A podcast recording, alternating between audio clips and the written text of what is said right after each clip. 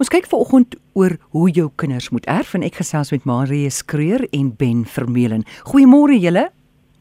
Goeiemôre, môre. Goed. Goeiemôre, môre. Goeiemôre aan die luisteraars. Hoekom praat ons Marius vanoggend oor hoe jou kinders moet erf? Ja, ons wil graag uh, praat oor die belangrikheid um, om jou erfgename se belange te beskerm asook om hulle teen hulle self te beskerm. Jy weet ons het 'n afdeling wat boedels hanteer in ons in ons besigheid en ons moet heeltyd moet ons erfgename moet ons adviseer. Uh en die meeste persone wat welvaart geskep het, wil dit graag beskerm vir die nageslag. Uh die persoon het hard gewerk daarvoor, het 'n spesifieke doel gehad. Hy het 'n testament so opgestel om te sê maar hierdie persone moet uh voordeel kry uit my boedel uit, het sy dit kapitaal of inkomste. Nou in die huidige bedeling laat die meeste mense maar hulle boedels na na die aan die langslewende. Die meeste testamente wat ons kry, sê die persoon die langslewende erf alles. Ehm um, nou die meestal is dit maar die vrou wat die langslewende is want die statistiek sê hulle lewe hulle lewe langer as ons en baie keer is die vrou ook 'n bietjie jonger as die man en dis sê ook dalk nog langer lewe. Ehm um, en dan natuurlik moet die vrou wat nou hierdie in hierdie situasie is wat alles geërf het, sy moet dan nou die besluit te maak om hierdie bates onder om te sien en sy moet ook besluit hoe dit verdeel word na die kinders toe. Nou sien ons dat die druk wat kinders soms op hulle ma plaas om van die kapitaal te bekom, uh weet jy kinders kom nou agter daar's 'n klomp kapitaal. Hulle het planne, hulle het besighede wat hulle wil begin, hulle het allerlei planne, beleggings wat hulle wil maak. Ehm um, en dit plaas hulle uh, baie druk op die op die ma en dan baie keer ehm um, gaan sy nou vir hulle probeer help en net om op 'n punt te kom wat sy sê maar daar's eintlik nie genoeg om vir haarself te voorsien tot sy afsterwe nie. Dit beteken dat die persoon wat die boedels nagelaat het, se wense kan nie uitgevoer word nie. Dit beteken ook dat bates nie altyd vir die volgende geslag nagelaat word waarvoor dit bedoel is nie. Nou, hier is oor 'n paar gevalle in ons praktyk wat ons nou al gesien het. Hoekom iemand dan nou 'n plan sal maak om op 'n ander manier jou jou bates te bemaak as om te sê die langslewende erf alles. Baie keer het ons gesê dat ehm um, het eggenote was nooit gemoeid met die finansies. Sy het die kinders groot gemaak en sy het haar man ondersteun in sy besigheid of wat ook al. Maar sy het nie ondervinding van die bestuur van finansies nie. Uh, Partykeer is daar ook 'n gevalle waar die eggenote glad nie belang finansies belangstel en ewe skielik moet sy nou al hierdie besluite maak en dit plaas ongelooflike druk op haar. Partykeer kom ons agter dat die die man voel die eggenoot spandeer te maklik geld. So hy hy hy, hy kom eintlik agter maar hierdie geld gaan nie hou as hy alles los vir sy vrou nie. Of as hy die alleen ehm um, erfgenaam is wat wat die grootste gedeelte van die boedel erf nie. Partykeer kom ons agter dat die eggenoot sê maar sy vrou is nog moontlik te jonk en sy gaan weer trou en nou is hy ook maar bang dat daai kapitaal wat dalk nou bedoel is vir sy kinders se studies en om om vir haar te sorg gaan nie hou nie want daar's nou dalk 'n ander man wat ook ander planne het met die geld. Partykeer is kinders minderjarig wat 'n persoon dan voel hy wil kapitaal spesifiek op 'n ander manier vir die kinders ehm um, bære en en belê sodat daar geld is vir hulle studies om hulle te help vorentoe. Partykeer het kinders of eggenote eggenote emosionele probleme en dan voel die persoon uh, die die persoon wat erf is emosioneel emosioneel nie toegerus om hierdie om die geld te bestuur nie uh beteken die kinders huweliksprobleme en nou is die persoon bang dat hy los ehm um, geld vir sy kinders en daar kom 'n egskeiding en dan is daar probleme met die kinders ensovoorts met die kleinkinders. En beteken is daar ook geestesgesondheidsprobleme.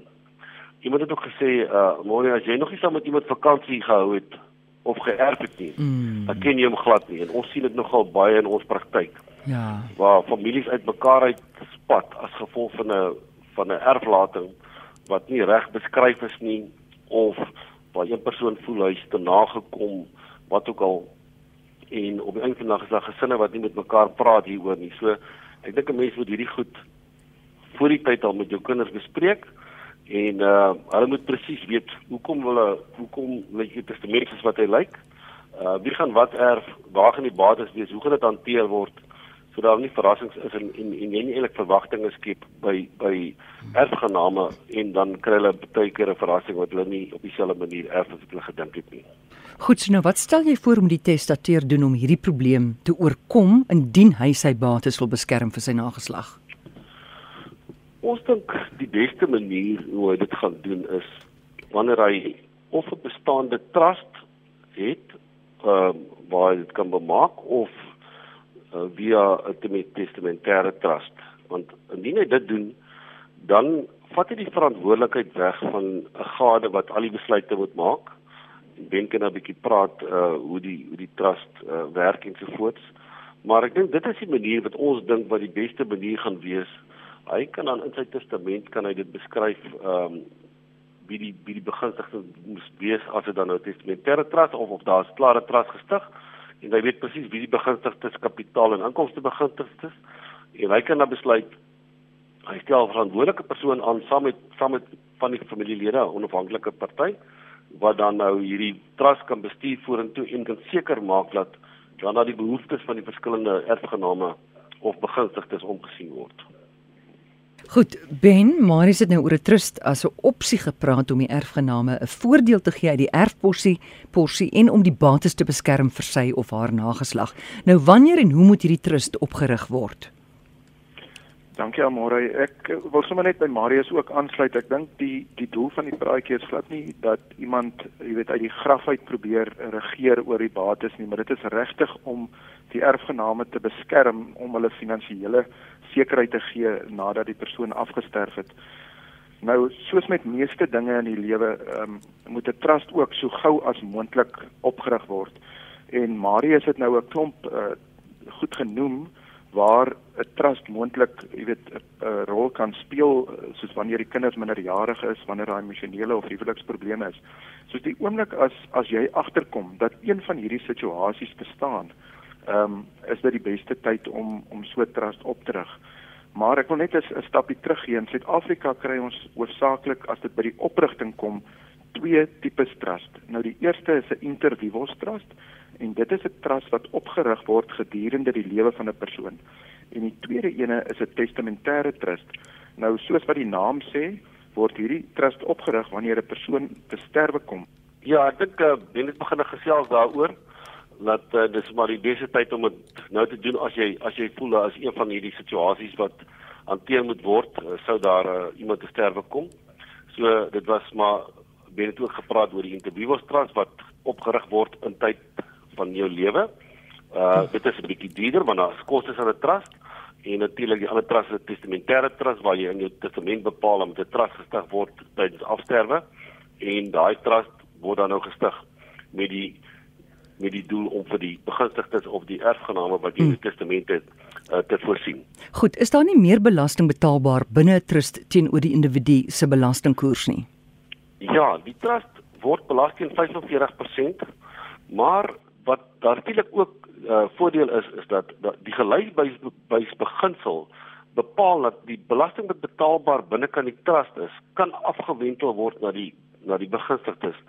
Nou ek vat sommer my eie gesin as 'n voorbeeld. Ek het nou 4 kinders en 4 kleinkinders en hulle is almal begunstigdes in my trust. So ek kan nou as daar kapitaalwinsbelasting is of inkomstebelasting betaalbaar, kan ek dit afwentel na hulle toe en na hulle name betaal wat in 'n baie laer koers as die trust betaal word. Met ander woorde hulle gaan joulik teen 'n koers van omtrent 18% die belasting betaal, wat die trust as jy binne die trust sou betaal het 45% gewees het. So uh ja, trust betaal meer belasting, maar jy kan dit afwentel na die begunstigdes so en dis 'n groot voordeel wat die trust tans het. Ben, ek wil by jou weet, hoe word buitelandse bates hanteer binne 'n boedel? Amore, dankie. Die die oorgrootste meerderheid van buitelandse bates vorm deel van enige Suid-Afrikaanse boedel soos die bates word dus presies dieselfde hanteer en beredder as Suid-Afrikaanse bates.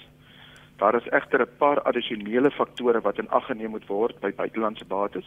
En die eerste een daarvan is iets wat ons noem. Ek kan nou nie dink aan 'n goeie Afrikaanse woord daarvoor nie, maar dit is die proses waar 'n buitelandse prokureur aangestel moet word om bates in die buiteland te beredder. Indien die regte strukture nie in plek is nie, kan hierdie 'n groot koste vir die boedel meebring. Die tweede groot probleem of risiko is dat die boedelbelastingkoers in sekere lande meer is as in Suid-Afrika. Hierdie word CITES-belasting genoem.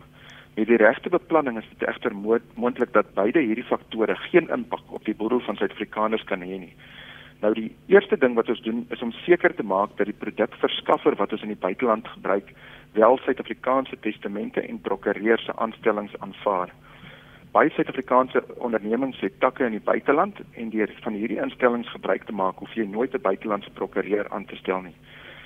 Die tweede is 'n produk wat ons gebruik um, om buitelandse aandele en en ander effekte trust in te sit en dit is 'n buitelandse polisproduk wat meer algemeen bekend staan as 'n buitelandse wrapper. In die polis word begunstigdes van die kapitaal klaar aangewys. Hier kan jy byvoorbeeld klare trust kies as begunstigdes van jou buitelandse bates. Ongelukkig het baie Suid-Afrikaners nie behoorlik beplanning voor die tyd gedoen nie en hulle het net 'n klomp bates na die buiteland toe geskuif. Om hierdie bates nou in so 'n wrapper byvoorbeeld op te kry, het 'n groot koste in terme van kapitaalwins.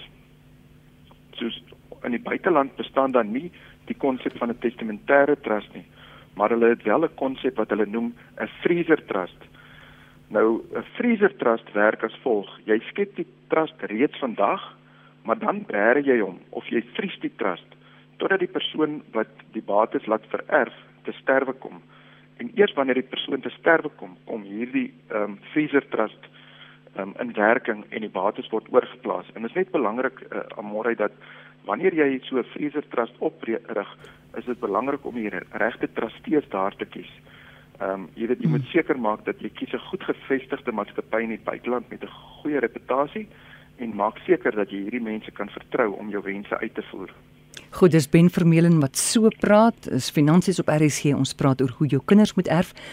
Marius Kreer, hoe word die persoon wat 'n sterwe kom se pensioen hanteer? Kan dit op dieselfde manier beskerm word as die res van die boedel? Ja, weet jy in die verlede uh kon 'n mens nie byvoorbeeld indien jy pensioen gehad het in die vorm van 'n lewende anniteit. Ehm um, jy kon dit nie be begunstig aan 'n aan 'n trust aan 'n trust nie, jy kon dit net aan 'n natuurlike persoon soos jou gade of dan nou kinders 'n pro rata kon jy dit uh bemaak of laat vererf, maar daai reël het verander. Jy kan nou jou trust jou familietrust wat jy gebruik om dan nou jou ander bates in te bestuur, kan jy ook gebruik as 'n begunstigde of jy kan dit begunstig uh deur die lewende anniteit met ander woorde in plaas van dat jou gade nou hierdie pensioen van jou erf erf die trust uiteindelik. En dieselfde beginsels geld dan waar die trustees gaan besluit uh wie kry watse inkomste uit hierdie pensioen uit. Met ander woorde jy wil heel moontlik dalk ook nou vir jou gade seker maak dat sy versorg is tot dit sy te sterwe kom. Maar jy wil ook miskien daai kapitaal beskerm vir jou kinders. En dan kan jy dit so doen dat jy nou die trust begunstig in in plaas van jou van jou gade en dan kan jy presies dieselfde met ouers dit alhoewel dit nie deel vorm van jou boedel nie kan jy nog altyd die trust as 'n begunstigde opsit op jou lewensaliteit en dit gaan dan nou baie van hierdie probleme uit uitskakel want onthou net die vrou het nou dieselfde reg op daai kapitaal as sy die alleen begunstigde is. Met ander woorde, die kinders kan ook weer druk op haar sit en sê, "Maar, ehm, uh, al bietjie meer inkomste uit, help ons hierso."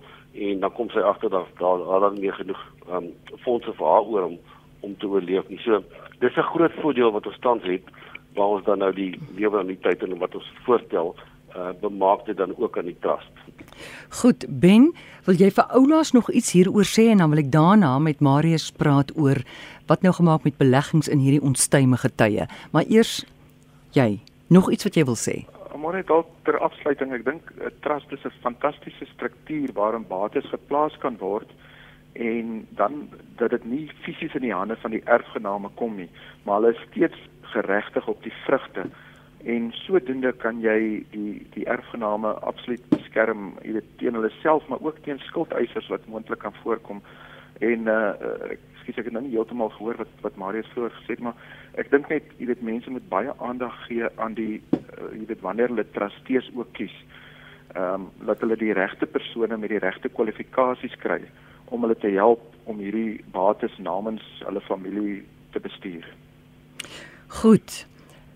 Marius, wat moet beleggers nou doen? Ek meen, wat staan hulle te doen in hierdie onstuimige tye waar markte reeds plus minus 20% gedaal het? Ja, dit is nog altyd die moeilike tye uh in in die in die siklusse van van beleggingstermyne uh wanneer daar krisisse in die wêreld is en op 'n oomblik het ons hierdie amper hierdie perfekte storm. Eers het ons die uh oorlog tussen Rusland en Oekraïne En nou sit ons met 'n inflasieprobleem in die FSA en dit maak dat rentekoerse opgaan. Ehm um, dit is nie goed vir aandele nie. Uh, mense is onseker en ehm um, aandelepryse het geval met met omtrent 20% as 'n mens na die na die na die uh indekse kyk reg oor die wêreld na al die aandelebeurse. Maar ek dink dit die strategie wat 'n mens het wanneer jy in, in aandele belê is dat jy besluit om geld in hierdie bateklas te belê vir plus minus 5 tot 7 tot 10 jaar. En as dit jou strategie was, dan moet 'n mens nie nou 'n korttermyn besluit maak nie. Met ander woorde, uh ons kry baie oproepe op die oomblik van mense wat sê ja, my portefeulje is soveel af, moet ons nie dalk liewers nou alles verkoop en troos net in geld maak sit ons nie verder iets kan verloor nie. Jou probleem is as jy dit doen, dan sit jy in 'n situasie van wanneer gaan jy terug? Want lanktermyn wil jy eintlik in hierdie bateklas wees. Uh jy gaan gewoonlik terug as jy sien die mark het gestabiliseer en hy sal weer 20% op, dan wil jy teruggaan. Nou het jy eintlik hierdie herstel van 20% verloor want jy het die die verlies gerealiseer. So mense wat in aandele is en 'n eiendom uh genoteerde eiendom wat lanktermyn besluite gemaak het, moet nie nou die strategie verander nie. Hulle moet bly waar hulle is. Ons het dit gesien met COVID waar die mark 30% af was en uh die mark het herstel en intedeel hy het weer baie hoër gegaan as wat hy gewees het voor COVID. En hy's nog tans nog altyd uh baie hoër as wat hy gewees het voor COVID. So ten spyte van hierdie negatiewe dinge is is dit nog altyd 'n goeie ding om te sien maar hou jou strategie, moenie jou strategie verander nie. Ehm um, sit hierdie ding deur. Uh ek sê altyd ek gebruik al die voorbeeld dis soos 'n klomp skape wat jy het. Daar's nou 'n bietjie droogte, die skape het maar geword, maar jy het nog die skape. Die skape gaan weer lam, hulle gaan nie kan nog weer wol van hulle afhaal in die vorm van dividende wat jy kry van hierdie maatskappye. Ehm um, en die reën gaan weer kom en dan gaan hulle weer vet word en dan kan jy weer verder met hulle teel.